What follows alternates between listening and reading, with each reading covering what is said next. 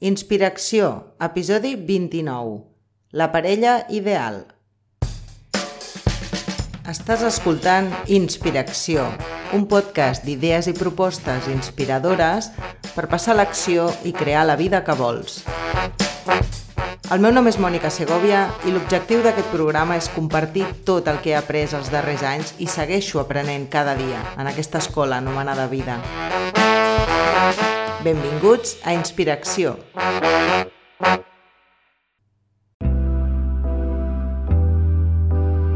Al principi d'una relació, les imperfeccions passen fàcilment inadvertides.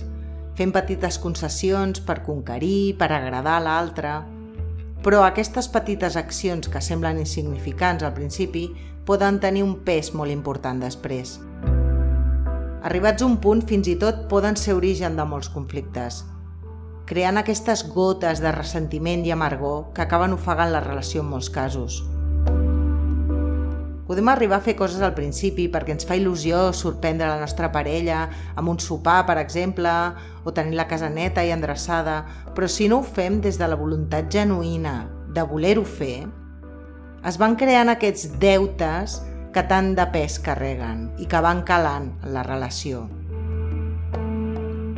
Tot comença per un mateix. És molt difícil trobar una persona a la mida si no hi ha prèviament una consciència pròpia ben desenvolupada. Qui som? Què ens agrada? Quins són els nostres valors? Quin propòsit de vida tenim? Poden semblar qüestions molt òbvies a priori, però realment t'has parat a reflexionar i experimentar en tu tot això? Aquí no cal contestar el primer que et vingui al cap, es tracta de saber-ho, Estàs alineada amb la teva essència i coherència interna? Aquest és un factor clau a l'hora de trobar la parella ideal, perquè finalment atraiem el que som. Si nosaltres estem molt allunyades de la nostra essència i desalineades o desequilibrades energèticament, sens dubte atraurem això a les nostres vides. La veritat és que cada moment de la nostra vida pot haver-hi una parella ideal, no necessàriament és la parella que tindrem tota la vida, però sí és una que ens fa de mirall i ens permetrà madurar i créixer en aquell moment, en aquella etapa. Primer de tot, cal ser honesta amb una mateixa i saber establir límits sants perquè la nostra relació sigui enriquidora i no destructiva. L'objectiu de tota relació és créixer i quan una persona evoluciona en una direcció i l'altra o bé s'estanca o bé creix en una altra direcció, cal saber veure-ho i parlar-ho. Hi ha moltes formes d'arribar a un punt mig si es té voluntat de que hi hagi entesa i, sobretot, tenint clar que tot té un preu. I cedir només en favor de la relació generalment és una mala decisió. Molts conflictes arriben també amb les expectatives que posem sobre la relació i sobre l'altra persona. La immensa majoria de conflictes de parella que he viscut i que he presenciat tenen una mateixa arrel, la falta de comunicació assertiva. Ningú llegeix la ment. Si vols alguna cosa, digue-ho clarament. Si et molesten coses de la teva parella, identifica si sempre ha estat així i esperaves que canviés o si hi ha actituds que ha anat adquirint amb el temps. Accepta que l'altre no té per què canviar. És més, no ha de canviar perquè tu estiguis bé. La parella és el major mirall, juntament amb els fills. Atraiem allò que som i, per tant, la parella sempre ens mostrarà allò que no tenim sanat ni treballat. Allò que més ens treu de polleguera o que potser al principi fins i tot ens agradava o ens feia gràcia, Potser la teva parella era una persona molt activa, s'apuntava a qualsevol esport o competició i entrenava moltes hores, però quan aneu a viure junts ja no t'agrada, perquè sents que el pes de portar la casa, per exemple, recau més en tu que en tots dos. Això és un cas molt habitual, per desgràcia, que crea moltes tensions i mal rotllos, i on la comunicació assertiva ha de ser prioritària des del principi i no quan l'olla a pressió està a punt d'esclatar. Parla amb freqüència i exposa obertament les teves necessitats i que la teva parella faci el mateix. Ei, important, les teves necessitats no són una llista de les coses que l'altre ha de fer perquè tu estiguis bé, sinó que són coses o accions que tu necessites per sentir-te en pau, tranquil·la i bé. No és el mateix, per exemple, comunicar que per tu és necessari tenir dues tardes lliures de la setmana i des d'aquí parlar i arribar a una entesa sobre quins dies o com ens organitzem, que imposar-li a la teva parella que es quedi perquè jo també tinc dret a sortir i faig moltes més coses que tu a casa. Veus que l'energia és diferent? Allibera't de les expectatives. Sé que això és més fàcil de dir que de fer, però quan identifiques una expectativa, tant negativa com positiva, respira-la, identifica-la com el que és.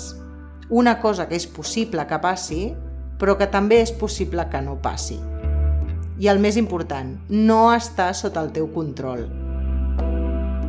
Desaferra't d'aquest resultat que esperes, que és precisament el que justifica moltes de les teves frustracions. L'altre tema de les expectatives és que les projectem en els altres i sobretot en la parella. Jo esperava que, jo em pensava que, m'hagués agradat que, a hores d'ara ja hauries de saber que... És sa tenir gustos, espais i hobbies diferents, encara que si realment sou la nit i el dia, valora qui dels dos està cedint més del compte perquè la relació funcioni. Per exemple, un no suporta els esports d'aigua i a l'altre li entusiasmen. Un estima molt els animals i a l'altre no. Un vol viure a la ciutat i l'altre en un poble petit a la muntanya.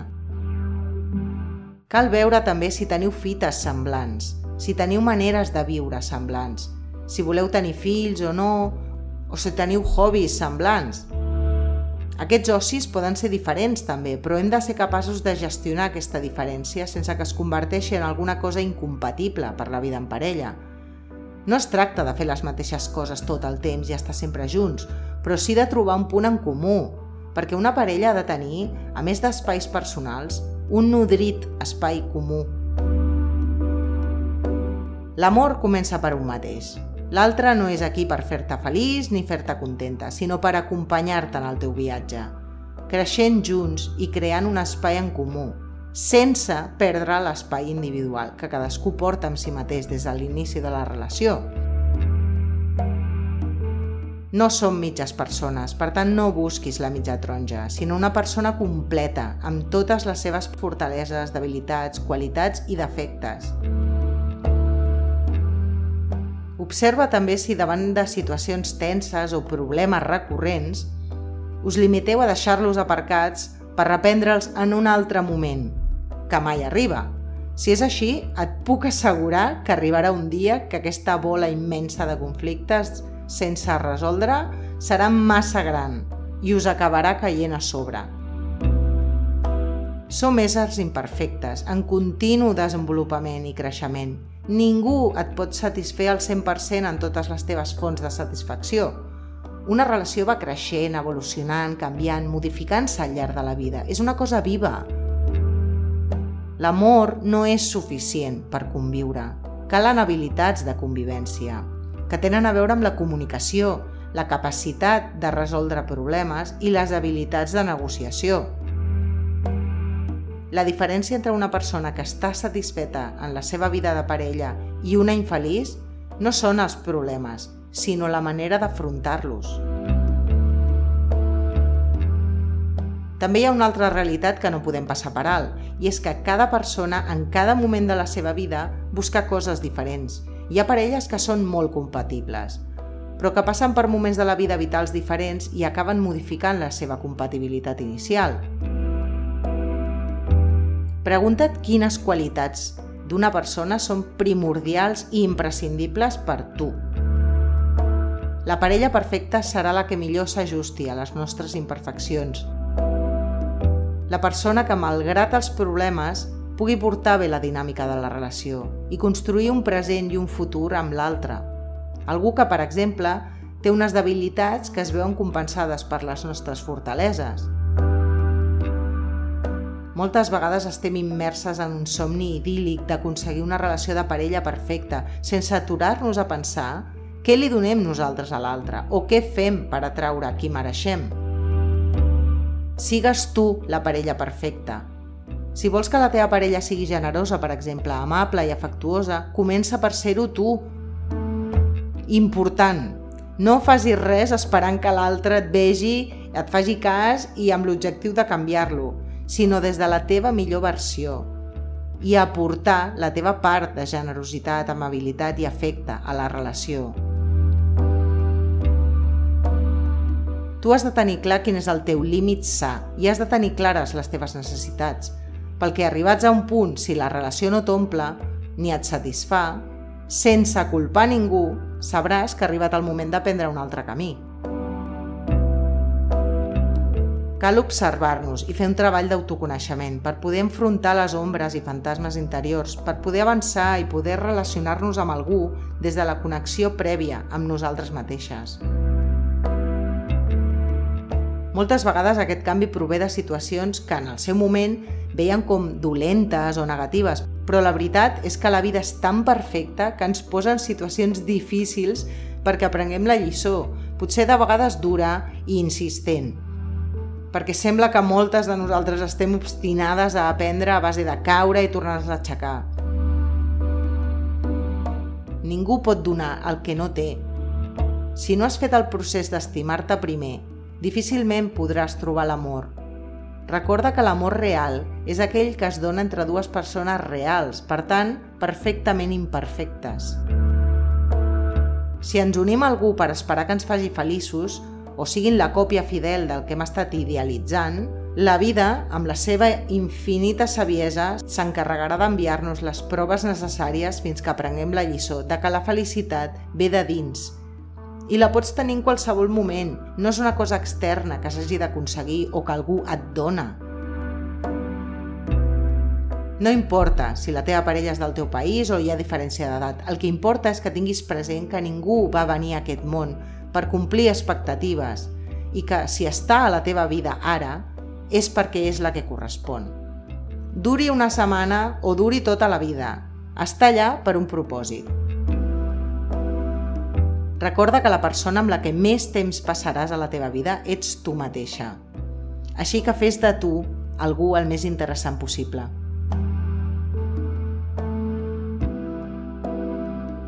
Tens un dubte, una pregunta o simplement vols que parli d'un tema concret o vols compartir la teva pròpia experiència?